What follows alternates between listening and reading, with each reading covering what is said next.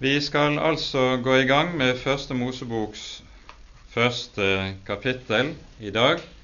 Vi folder hendene og ber sammen før vi leser.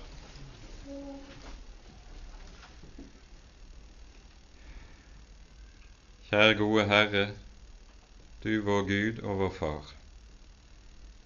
Så takker og lover vi deg for at du er vår Gud, og at vi skal få lov til å høre deg til. Takk, Hellige Gud, at du er vår skaper. Du er den som også holder vårt liv oppe og trofast har båret oss inntil denne dag. Takk, gode Herre Gud, at vi også har ditt løfte, at du for Jesus skyld vil ta deg av oss inntil enden. Nå ber vi, Herre, at du vil komme og være hos oss med din Hellige Ånd, og at du, Herre, vil åpne opp ordet ditt ved din ånd, slik at vi også kan forstå det som står skrevet, og at ordet ditt, Herre, kan smelte sammen med hjertene våre. Herre, kom du og forbarm deg over oss. Amen.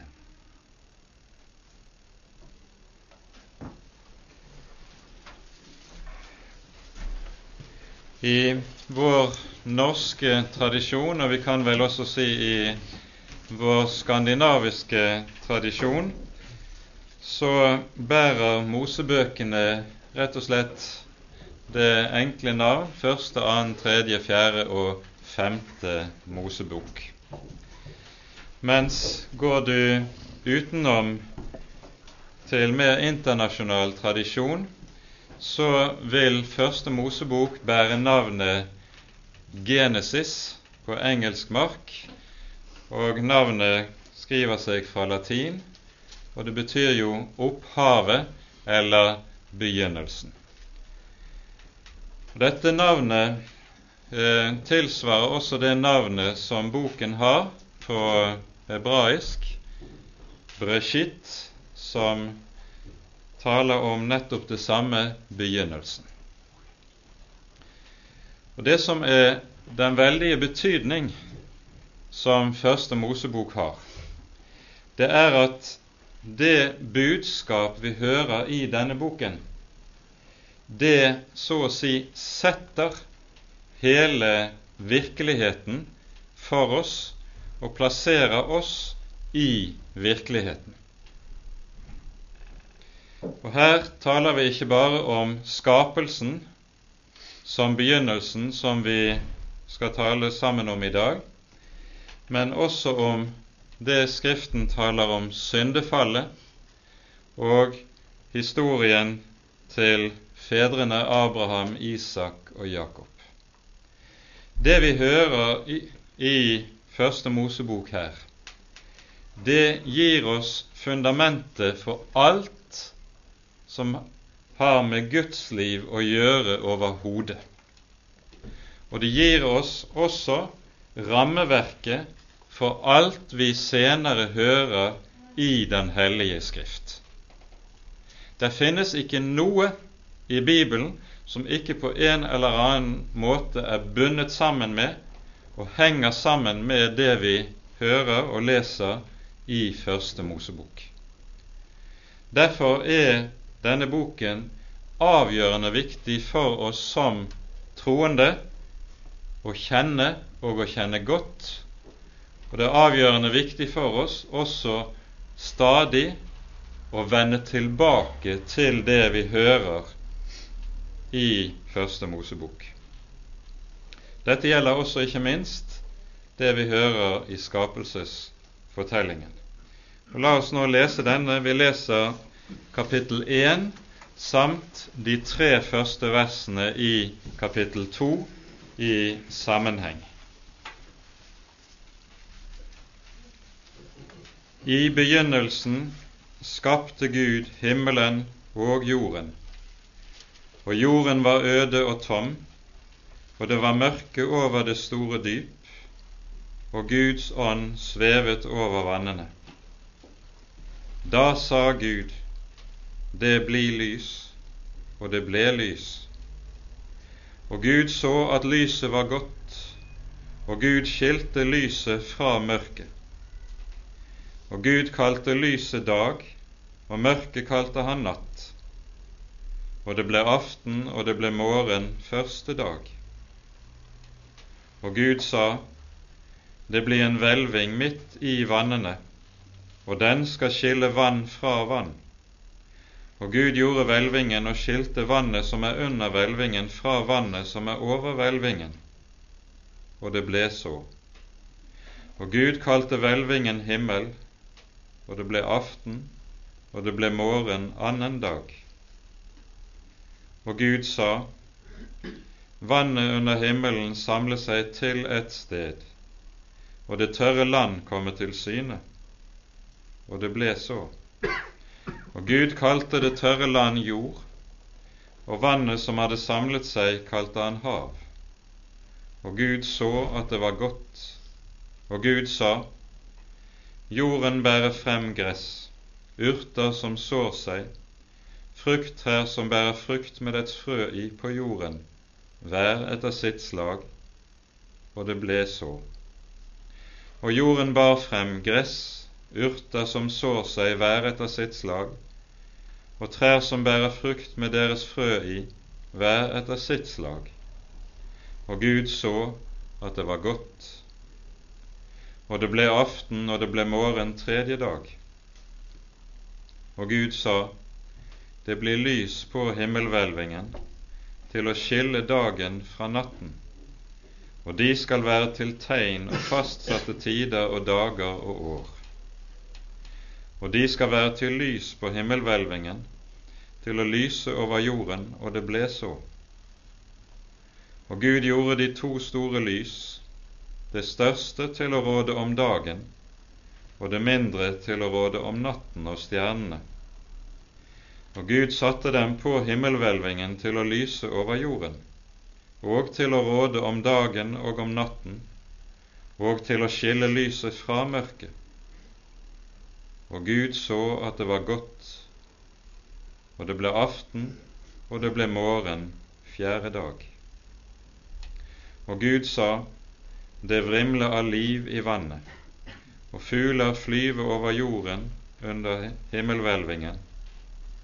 Og Gud skapte de store sjødyr, og alt levende som rører seg, som det vrimler av i vannet, hver etter sitt slag, og alle vingede fugler, hver etter sitt slag. Og Gud så at det var godt. Og Gud velsignet dem og sa, Vær fruktbare og bli mange og oppfyll vannet i havet, og fuglene skal, fuglene skal bli tallrike på jorden. Og det ble aften, og det ble morgen femte dag. Og Gud sa, Jorden lar fremgå levende vesener, hver etter sitt slag, fe, kryp og ville dyr, hver etter sitt slag, og det ble så. Og Gud gjorde de ville dyr, hver etter sitt slag, og feet etter sitt slag, og alt jordens kryp, hver etter sitt slag, og Gud så at det var godt. Og Gud sa, La oss gjøre mennesker i vårt bilde, etter vår lignelse, og de skal råde over fiskene i havet, og over fuglene under himmelen, og over feet, og over all jorden, og over alt kryp som rører seg på jorden. Og Gud skapte mennesket i sitt bilde. I Guds bilde skapte han det, til mann og kvinne skapte han dem. Og Gud velsignet dem og sa til dem, Vær fruktbare og bli mange, og oppfyll jorden og legg den under dere, og råd over fiskene i havet, over fuglene under himmelen og over hvert dyr som rører seg på jorden. Og Gud sa, Se, jeg gir dere alle urter som sår seg, alle som finnes på jorden, og alle trær med frukt som sår seg, de skal være til føde for dere. Og alle dyr på jorden og alle fugler under himmelen, og alt som rører seg på jorden, alt som det er livsånde i, gir jeg alle grønne urter å ete. Og det ble så. Og Gud så på alt det han hadde gjort, og se, det var såre godt. Og det ble aften, og det ble morgen sjette dag. Slik ble himmelen og jorden med hele sin hær fullendt. Og Gud fullendte på den syvende dag det verk han hadde gjort, og han hvilte på den syvende dag fra all den gjerning han hadde gjort. Og Gud velsignet den syvende dag og helliget den, for på den hvilte han fra all sin gjerning den som Gud gjorde da han skapte. Amen.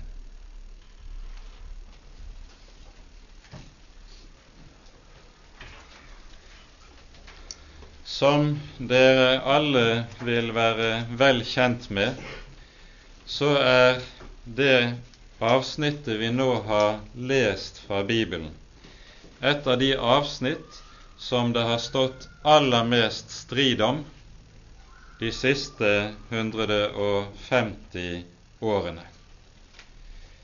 Dette har sin bakgrunn i fremveksten av utviklingslæren.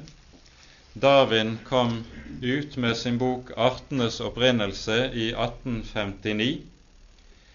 Og i løpet av en periode på en 10-15 år kom hans tenkning rundt utviklingslæren til å bli allment akseptert som gjeldende sannhet innenfor det vitenskapelige establishment. Dette medførte i sin tur at Første Mosebok sin skapelsesfortelling dermed kom under hardt angrep.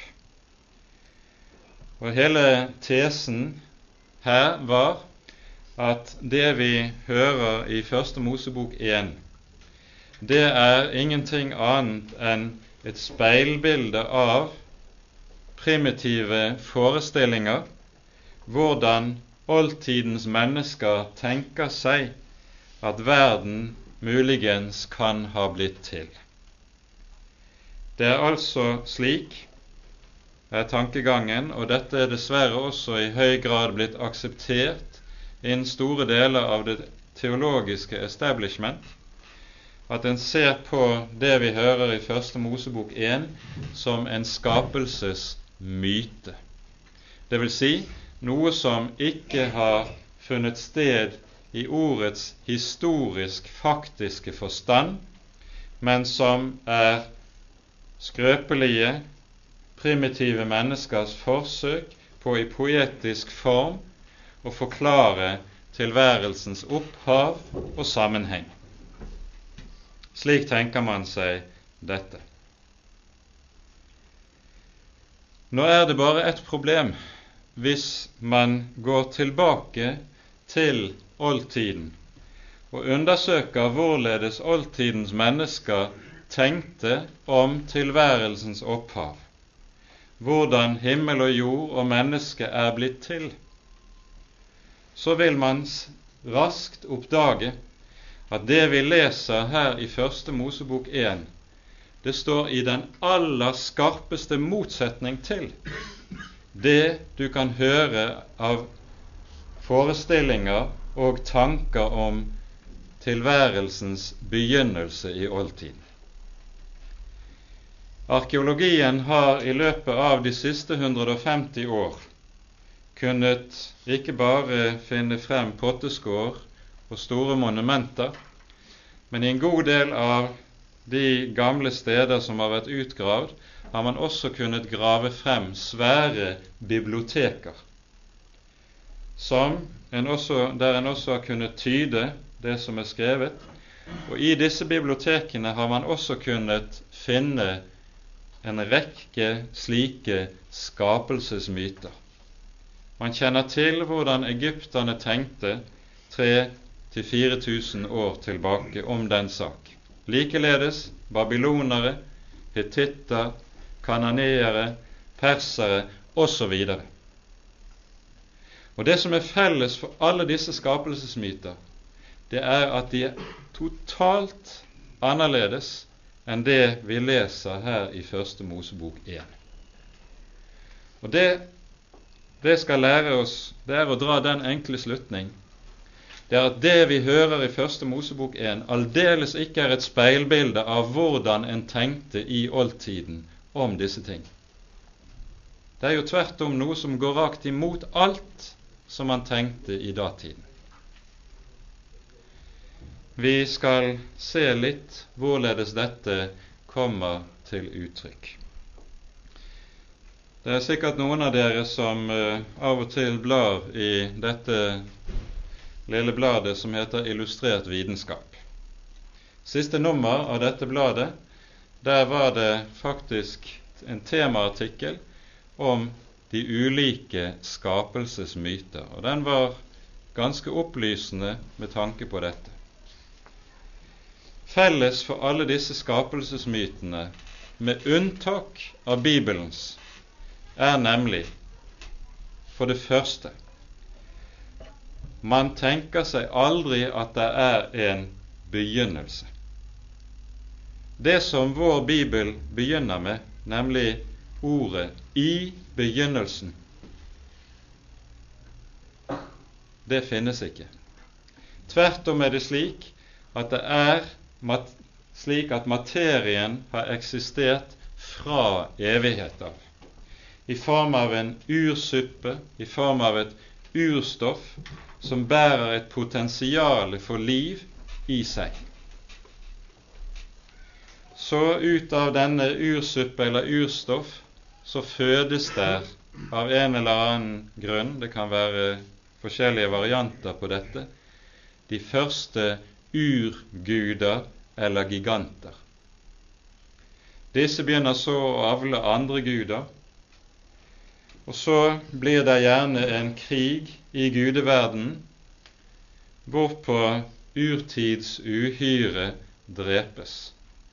Og den seirende Gud skaper så av det døde urtidsuhyres kropp jorden, dyrene og menneskene. Hva er det disse mytene sier? Dette er noenlunde fellestrekk for de aller fleste av disse mytene. Hva er det de sier? For det første sier de gudene er blitt til på samme måte som menneskene. Mens i Bibelens skapelsesberetning sies det ikke noe om at Gud er blitt til. Han er av evighet. Bibelens Gud skiller seg totalt og absolutt fra hvordan en tenkte om gudene i antikken. For det andre disse guder som er blitt til en eller annen gang i en fjern urtid, de er dypest sett av samme stoff, vesen og materie som menneskene. Mennesker og guder er beslektet, og Derfor er det ingen vesens forskjell mellom Gud og menneske.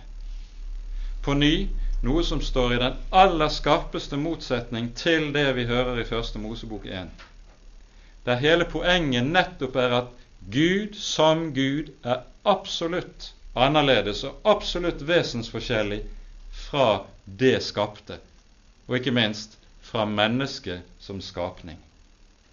Han er evig opphøyet i herlighet. Han er ikke skapning.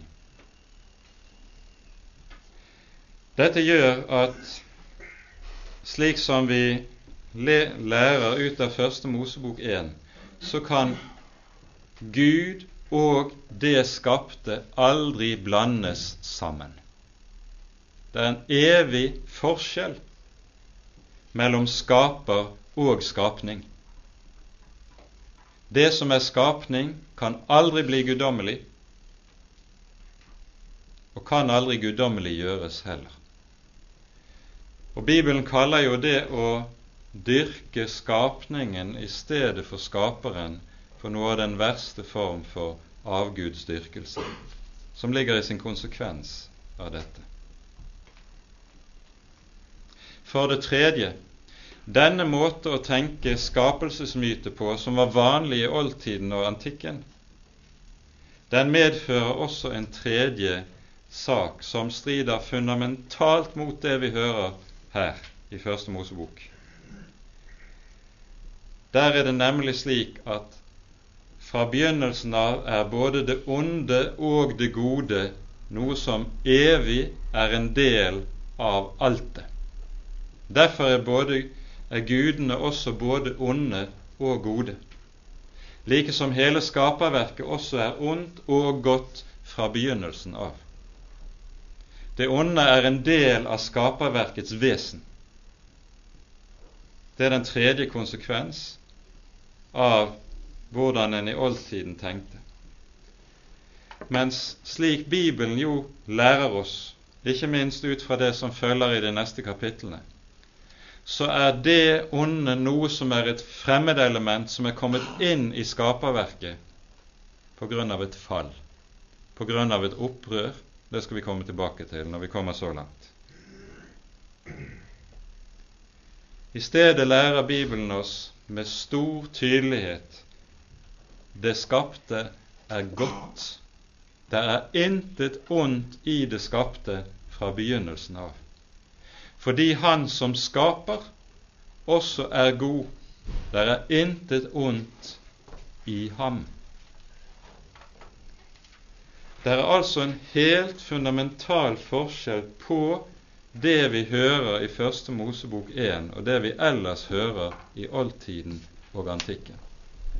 Og Det dette skal lære oss, er at vi ikke skal la oss lure og bedra av de som sier det du hører i denne fortellingen, er bare et speilbilde av hvordan en tenkte i oldtiden. For det er nettopp det det ikke er.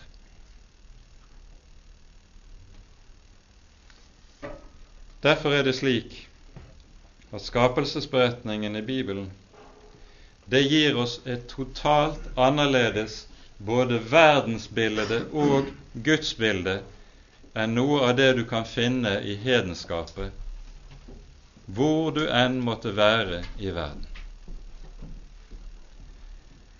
Og det som jo er det mest avgjørende i skapelsesfortellingen, er altså hva den lærer oss om hvem Gud er. Og så bestemmer det virkeligheten som vi lever i. Dette innebærer at det er ganske riktig, sånn som vi av og til kan få høre det, at Bibelen er ikke noen lærebok i naturvitenskap. Det er sant. Men det betyr ikke at det vi hører i Første Mosebok 1, ikke er noe som er tenkt og talt som noe som faktisk er skjedd i den historisk virkelige verden. Dette innebærer at slik Første Mosebok lærer oss, og som Bibelen for øvrig også lærer oss, så er det en motsetning mellom skapelsesberetning og utviklingslære. Men den ligger kanskje på et noe annet plan enn man vanligvis tenker seg og får det fremstilt for seg.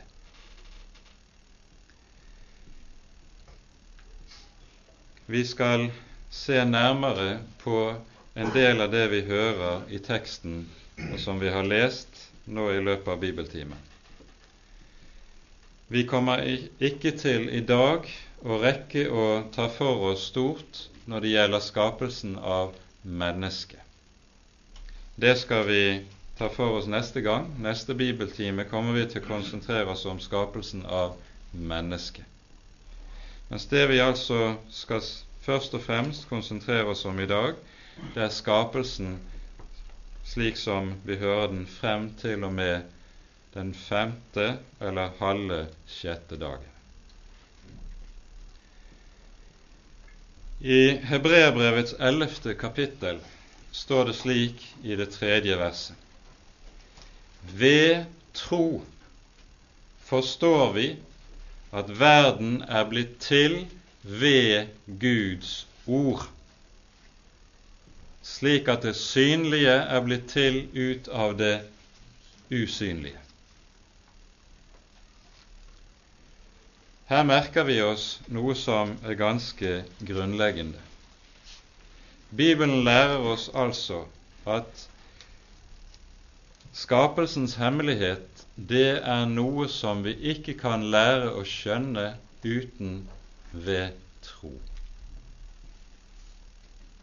Naturvitenskapen kan finne meget, men den kan ikke lære oss hemmeligheten med alle tings opphav og begynnelse.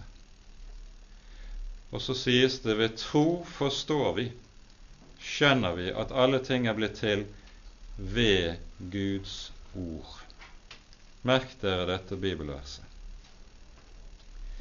For nettopp Guds ord er uhyre fundamentalt i det vi leser her i kapittel 1. På ny og på ny hører vi det sies Gud sa, og det ble så. Når Gud nemlig skaper, hvorledes gjør han det? Han gjør det ved et ord. Han har ikke noe materiale på forhånd som han går ut fra. Han har ikke noe verktøy og trenger det heller ikke. Han taler, og det skjer. Slik sies det også direkte i Salme 33 vers 9. Han talte, og det skjedde. Han bød, og det sto der. For ved ordet sitt utfører han alle ting. Og det er nettopp det som er det kjennetegnende ved Guds handlinger. Når Gud vil ha noe gjort, så taler Han. Dette lærer oss også noe helt fundamentalt om hvem Gud er. Og her står på ny Bibelens skapelsesberetning der, i motsetning til f.eks. det du kan lære i ulike indiske eller østlige religioner, der du har panteismen. Det som kjennetegner panteismen, er jo at en tenker at Gud er ett med det skapte og gjennomstrømmer det skapte, som en upersonlig kraft som like som er nærværende i alle ting. Men når det sies om Gud at han taler, så sier det om Gud han er en person. Gud er ikke en upersonlig kraft. Han er tvert om en person som kan tale. Og når Gud så får en annen person å forholde seg til, nemlig han skaper mennesket, hva gjør han da? Han taler til mennesket, og han taler med mennesket. For ved det talte ord trer personer inn i fellesskap med hverandre. Slik lærer vi ut av disse tingene som vi kanskje ikke umiddelbart merker oss når vi leser dette avsnittet i Bibelen, helt grunnleggende ting om hvem Gud er, slik at når han senere i Skriften åpenbarer sitt eget navn, så sier han 'Jeg er den jeg er'. Når han er en person, så er han et jeg, som kan stå overfor deg og meg og tiltale oss som et du det er et jeg og et du som står overfor hverandre og kan tre inn i personfellesskap.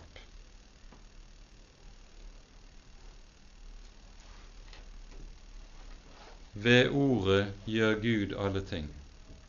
I Hans ord ligger altså allmakten gjemt, og i Hans ord, i og med at Han er den talende Gud, så sies det også Han er person. Nå er det første ordet i skapelsesberetningen i begynnelsen. Det lærer oss at det er noe som heter en begynnelse. I begynnelsen skapte Gud himmelen og jorden. Uttrykket himmel og jord det er et uttrykk som i Bibelen rett og slett betegner hele skaperverket som totalitet, det vi kaller kosmos eller universet. Og Det dette innebærer, det er at Gud ikke bare skaper rommet, ikke bare skaper materien, men at han også skaper tiden. Tiden er også en del av det skapte. Det skal vi legge merke til. Hvilket altså innebærer at når Gud står der som skaper, så er han den som står der suverent over tiden, over materien over rommet, og ikke er underlagt noen av de begrensninger som rom, tid eller materie underlegger oss som er skapt. Han er den som suverent har alt dette i sin hånd og står over det og behersker det etter sin egen gode vilje.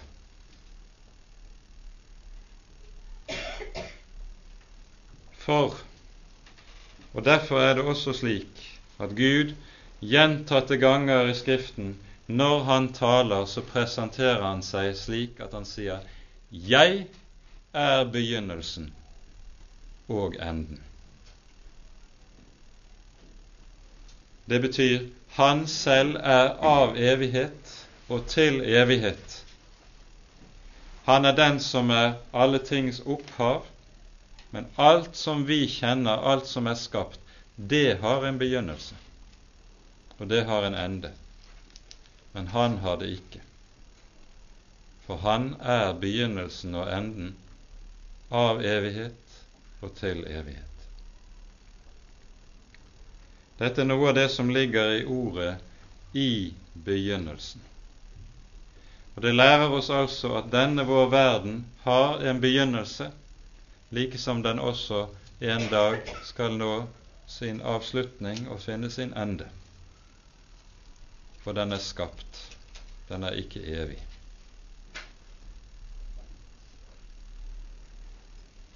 For det annet, det neste ordet som brukes her i vers 1, det er ordet 'skape'. Og det skal du legge nøye merke til. I hebraisk språk er dette et helt spesielt ord, som er kjennetegnet ved flere ting. For det første er det et ord som i Bibelen utelukkende brukes med Gud som subjekt. Det brukes aldri om mennesket med et menneske som subjekt.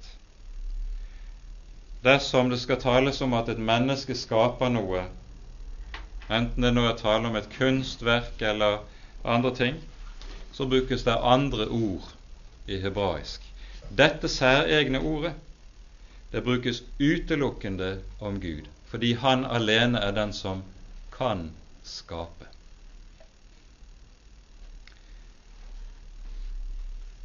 For det andre innebærer dette ordet 'skape' at det betyr å frembringe av intet.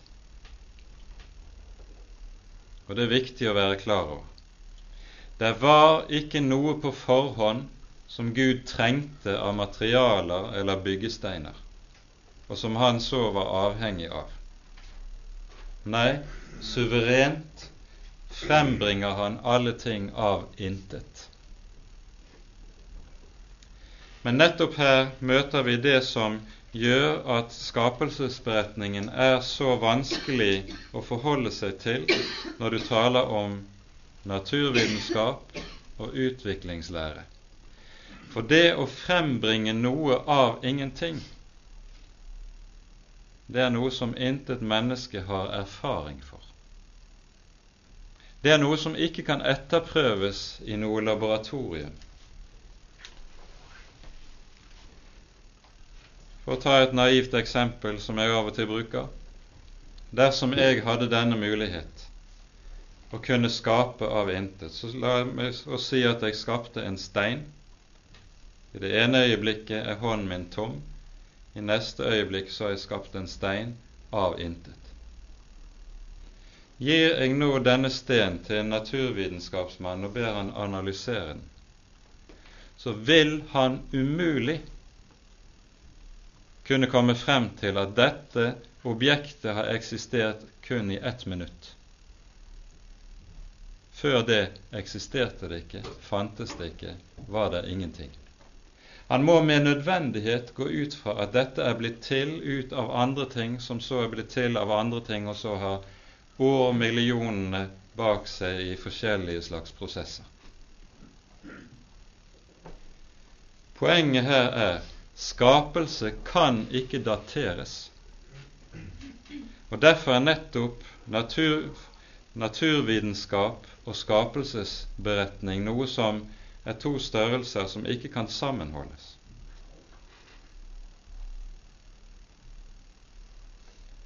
Å skape betyr å frembringe av intet.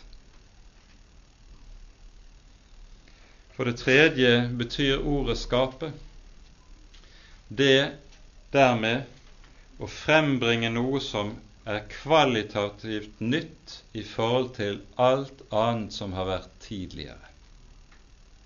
Derfor er det også slik at dette særegne ordet, som altså bare har Gud som subjekt, det dukker opp tre ganger her i Første Mosebok 1. Første gang er her i vers 1, når han frembringer alt det ut av det store intet. I begynnelsen skapte Gud himmel og jord. Dermed materien blitt til, rommet blitt til, den uorganiske verden. Men når du kommer til vers 21, så dukker verbet opp igjen. Og Gud skapte de store sjødyr og alt levende som rører seg. Nå frembringer nemlig Gud noe som ikke har vært før, og som det ikke er noe tilsvarende til fra tidligere, nemlig livet. Livet er noe som er kvalitativt nytt i forhold til alt som har vært tidligere. Og dermed dukker dette spesielle ordet opp igjen. Tredje gang vi møter dette ordet, er i forbindelse med skapelsen av mennesket i vers 27. Og Der brukes ordet hele tre ganger. Gud skapte mennesket i sitt bilde. I Guds bilde skapte han det, til mann og kvinne skapte han dem. Og ved å anvende dette ordet på denne måten, så sier Bibelen med det mennesket er kvalitativt forskjellig fra alt som er skapt tidligere, også dyrene. Hvilket innebærer altså at mennesket, slik Bibelen tenker, ikke er et høyerestående dyr og dermed heller ikke noe som bare er en videreutvikling av en apekatt. Gud skaper mennesket, og han skaper det i sitt bilde. Og dette er noe som er totalt nytt og totalt annerledes enn alt annet som har vært tidligere. Dette ligger altså i ordet 'skape'.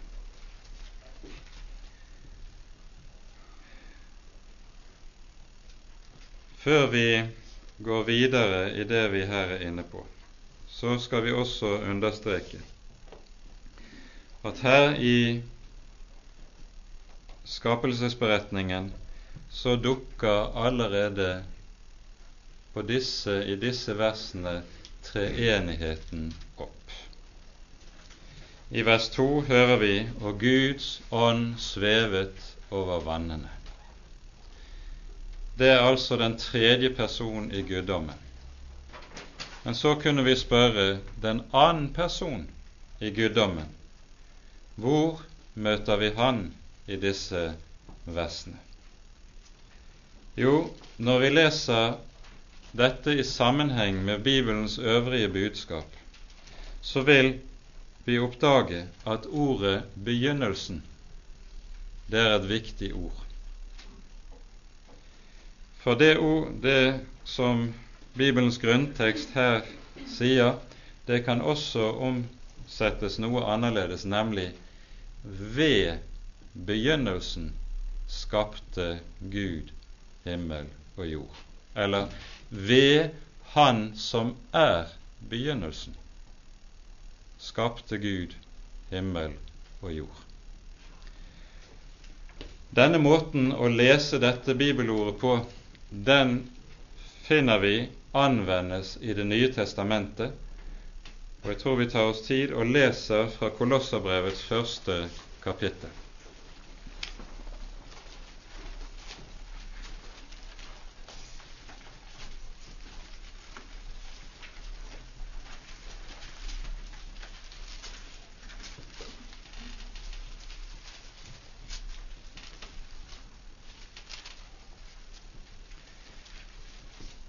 I Kolossene 1 finner vi et av de aller viktigste avsnittene i Bibelen om Kristi guddom, som understreker at Jesus er Gud. Som Gud er han av evighet, og som Gud er han dermed også skaper. Og Vi leser vers 15 og 16 og 17. Han, altså Jesus Kristus, er et bilde av Gud den usynlige, den førstefødte fremfor enhver skapning.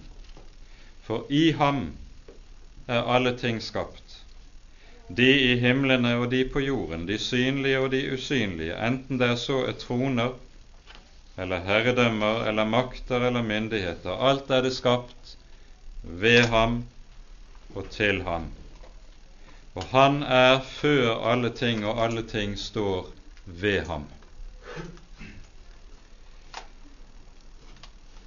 Det man nemlig kan gjøre, og det er det apostelen Paulus gjør i dette verset, det er at man kan sette opp en så å si et skjema over innholdsfylden av ordet i begynnelsen.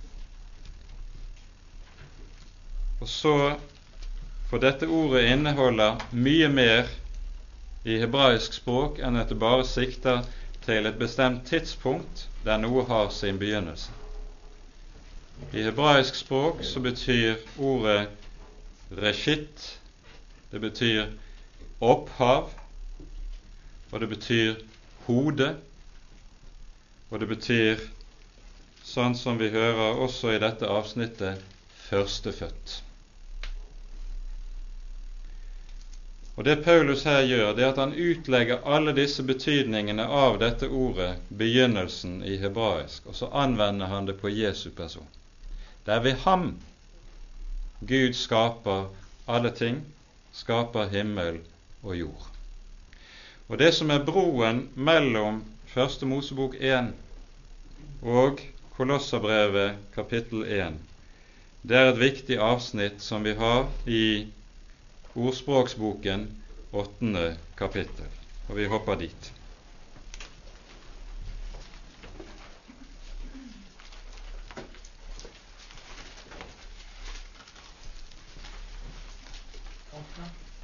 Åtte.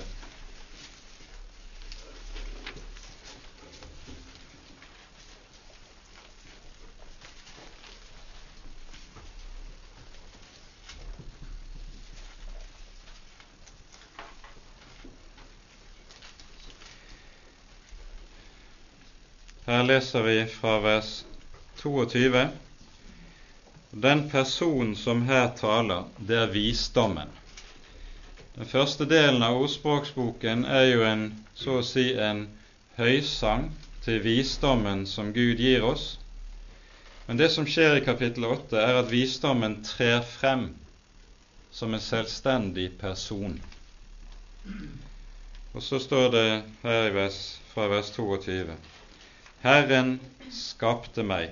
Bokstavelig betyr ordet Herren fødte meg som sitt første verk før sine andre gjerninger i fordums tid. Fra evighet er jeg blitt til, fra først av, før jorden var. Da avgrunnen ennå ikke var til, ble jeg født. Da det enda ikke fantes kilder fylt med vann.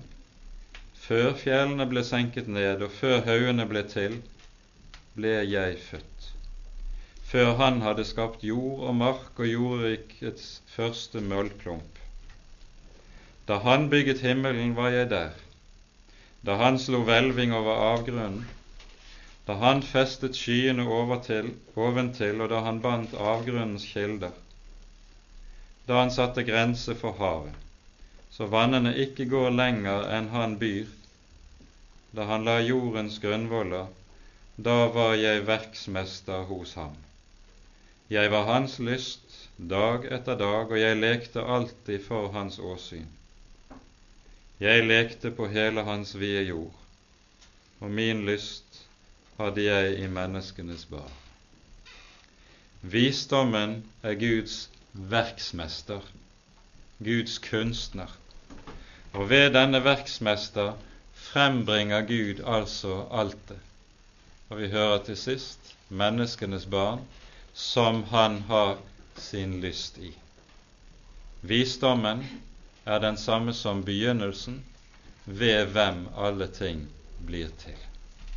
Og slik trekker Bibelen noen viktige tråder som vi skal være klar over.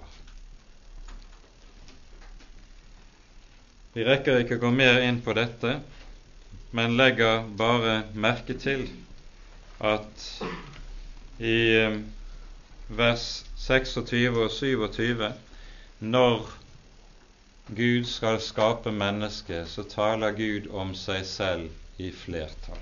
Han sier 'la oss skape mennesket' i vårt bilde og etter vår lignelse. Det er altså et, en rådslagning i Gud mellom de tre personene i Gud, og så er mennesket en frukt av dette Guds råd i evigheten. Og vi forstår at når vi her hører om Guds særlige rådslagning av evighet, så er det også slik at siktemålet med hele skaperverket det er nettopp å frembringe mennesket. Og Dette ser vi også er noe av det som utgjør den store sammenheng i skapelsesfortellingen her i Første Mosebok 1. For det er en veldig klar progresjon i det vi hører, på en slik måte at det som skapes den ene dag, utgjør fundamentet for og forutsetningen for det som frembringes den neste dag. Og det som så frembringes den sjette dagen, mennesket i Guds bilde, det er det alt har pekt frem imot. Og når mennesket så er skapt, er det første Gud gjør, det er å tre inn i fellesskap med mennesket. Det kommer vi tilbake til neste gang. Men vi ser altså det hele har en veldig klar progresjon. Det hele er systematisk, klart og enkelt oppbygget. Vi merker oss også at når det sies som vi hører om igjen og om igjen ved slutten av hver skapelsesdag Gud så det han hadde gjort, og det var godt. På den siste dagen det var såre godt så sier det noe helt grunnleggende om den skapte verden, nemlig at skapningen er god. Den materielle, den fysiske virkelighet er god, fordi den er skapt av Han som er god. Og Hvorfor understreker vi dette?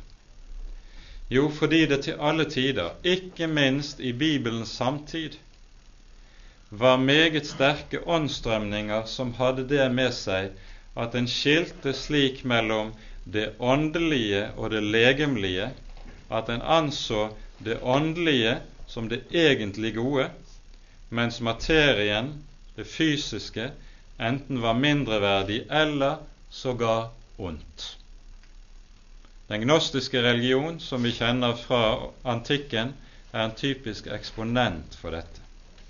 Lignende tanker finner du i buddhisme og hinduisme, der en ser på den skapte verden, den fysiske virkelighet, som illusjon, maya.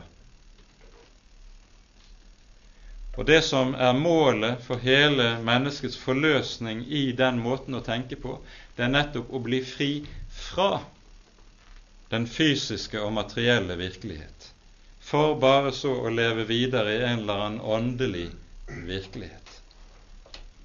Men her lærer Bibelen oss meget tydelig og klart altså at den fysiske virkelighet er god.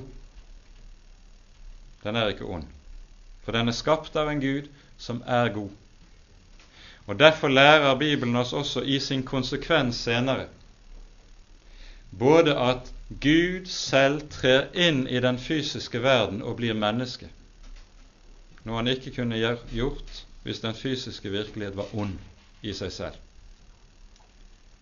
For det andre så lærer Bibelen også meget tydelig og klart at når vi har et evig håp, så er det ikke et håp om at sjelen eller ånden vår skal leve videre et eller annet sted oppe i skyene, men vi tror på en fysisk oppstandelse.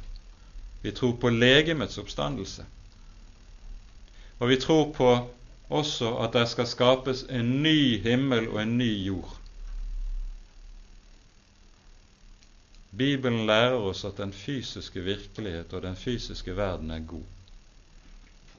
Og på det området finner vi også at Bibelen radikalt skiller seg fra det aller meste vi ellers finner i religionenes verden. Det Bibelen altså lærer oss her i Første Mosebok, det er at den lærer oss helt fundamentale ting om hvem Gud er, og om den virkelighet Han setter oss inn i. Første Mosebok 1 er så å si fundamentet for det vi kan kalle for den kristne virkelighetsforståelse. Og vi kan aldri tenke rett om virkeligheten uten å ha det vi lærer i dette grunnkapittelet i Bibelen, klart i minne og alltid, så å si, leve på det fundamentet. Den verden vi lever i, er gitt oss av Gud og det er en god verden. At det onde så er kommet inn, det kom etterpå. Og så er det en kamp i vår verden som skal vare ved til den siste dag, til dommens dag. Da skal Gud sette punktum for det onde og skape nye himler og en ny jord. Men vi merker oss altså hvorledes Bibelen setter hele virkeligheten for oss, og i disse, dette kapitlet her plasserer oss inn i en verden som er Guds verden. Denne verden er ikke undergitt tilfeldighetenes makt. Den er i Guds hånd. Det vi hører om gudenes tilblivelse i oldtidens skapelsesmyter, er at disse guder de er selv hjelpeløst undergitt skjebnens makt. Romerne kunne ofre til Nemesis. Skjebnen, skjebneguden, styrte selv gudene, og overfor den var også gudene hjelpeløse. Men slik er det ikke i Bibelen. I Bibelen er virkeligheten, er verden, i Guds hånd. For den skapelse som her skjer, den er ikke bare noe som finner sted en gang i begynnelsen, og så har Gud trukket seg tilbake. Bibelens Slik Bibelen lærer oss om Gud, så er ikke han klokke- eller urmakeren som lager en klokke og trekker den opp, og så går resten av seg selv. Nei, når Gud skaper alle ting, så er det for at han også skal være til stede med sin hånd og med sin makt og holde virkeligheten oppe, dag for dag til enden. Og Derfor taler, når Bibelen taler om skapelsen, så taler den dermed også om Gud som den som holder alle ting oppe og holder alle ting i sin hånd. Hvilket betyr at den verden vi lever i, den er ikke undergitt tilfeldighetenes krefter. Den er ikke underlagt skjebnens makt. Den er i Guds hånd. Hvilket innebærer også at fremtiden er i Guds hånd. Derfor er det også slik at den som hører Herren til, kan hvile trygt i at den Gud som er vår Gud, han er den som styrer historiens gang inntil enden. Nettopp slik er det profeten Jesaja meget tydelig forkynner oss om hvem Gud er. I kapitlene fra Jesaja kapittel 40 og utover så hører vi hvorledes det dras en linje nettopp fra dette at Gud er opphavet og skaperen til det at han også nettopp av den grunn er den som styrer historiens gang og holder menneskets skjebne i historien i sin hånd.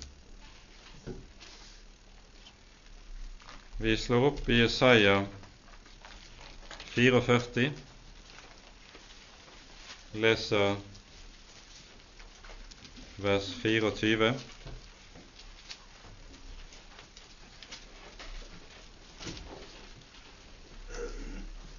Så sier Herren, din gjenløser, som dannet deg fra mors liv. Jeg er Herren som gjør alle ting, som utspente himmelen alene, som bredte ut jorden uten hjelp fra noen som gjør snakkernes tegn til intet og spåmennene til dårer, som driver de vise tilbake og gjør deres visdom til dårskap, men som stadfester sine tjeneres ord og fullbyrder sine sendebuds råd, som sier til Jerusalem, der skal bo folk, og om Jerusalems byer, de skal bygges opp igjen, deres ruiner vil jeg reise. Ser du, Linjen dras fra det at han er skaperen, til det at han også holder altet, holder historien i sin hånd og styrer den etter sin vilje. Det betyr ikke at vi kan gjennomskue historiens gang. Det betyr ikke at vi kan lese ut av historien hvordan Guds hånd arbeider og forstå det han gjør, for det gjør vi ikke. Men vi skal trygt få lov til å regne med at så sant den levende Gud er alle tings opphav, så er han nærværende og virksom i hele sitt skaperverk, slik at ikke en eneste en av oss kan dra pusten uten at han vil. Han har tellet våre hodehår alle sammen. For han er den allmektige, den allvitende den allesteds nærværende, den evig vise og den evig gode. Og det er dette Bibelens skapelsesberetning først og fremst vil lære oss. Det skal lære oss hvem vår Gud er. Han er ikke som hedningenes guder, som ingen makt har. Han er den allmektige. Han er den hellige og den veldige, for hvem all skapningen bøyer seg i støvet, og i evig lovsang. For dette får vi kanskje stanse med. At slik som Skriften taler om skaperverket, så taler Skriften om skaperverket som noe som er fremgått av den allmektiges hånd, på en slik måte at det også lovsynger ham for all hans godhet og miskunnhet. Sterke uttrykk for dette finner vi i Salmenes bok, og la oss slå opp et par steder. Først Salme 148.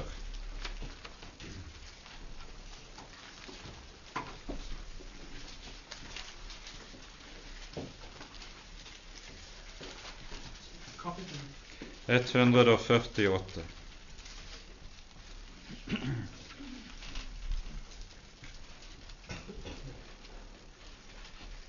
Halleluja, lov Herren fra himmelen, lov Ham i det høye. Lov Ham alle Hans engler, lov Ham all Hans hær. Lov Ham sol og måne. Lov Ham alle dere lysende stjerner. Lov ham, dere himlenes himler og dere vann som er ovenover himlene. De skal love Herrens navn, for Han bød, og de ble skapt. Og Han satte dem på deres sted for all tid, for evig. Han ga en lov som ingen av dem overskrider. Lov Herren fra jorden, dere store sjødyr og alle vanndyp, ild og hagl, sne og damp stormvind som setter Hans ord i verk. Dere fjell og alle hauger, frukttrær og alle sedrer, dere ville dyr og alt fe, krypdyr og vingede fugler. Dere jordens konger og alle folk, fyrster og alle jordens dommere, unge menn og jomfruer, gamle med unge. De skal love Herrens navn, for Hans navn alene er opphøyet. Hans herlighet er over jorden og himmelen. Og han har opphøyet et horn for sitt folk til en lovsang for alle sine fromme, for Israels barn, det folk som er ham nær. Halleluja. Og så hører vi hele skaperverket ta del i denne sang. Slik taler Skriften om skapningen for skapningen er fremgått av Guds hånd til Guds ære. Dette er også årsaken til at det vi lærer i første trosartikkel, 'Jeg tror på Gud Fader den allmektige, himmelens og jordens skaper', det er også grunnlaget for det vi hører i det første bud. Du skal ikke ha andre guder enn meg. Det er bare én skaper. Det er bare én Gud. Du skal ikke ha andre guder enn meg. Og så går det altså en direkte linje fra Første Mosebok 1 til budene og det vi lærer der. Men det er det ikke tid for å si mer om her og nå. I Herrens tempel sier alt ære. Amen. Ære være Faderen og Sønnen og Helligånden, som var og er og være skal en sann Gud, høylovet i evighet. Amen.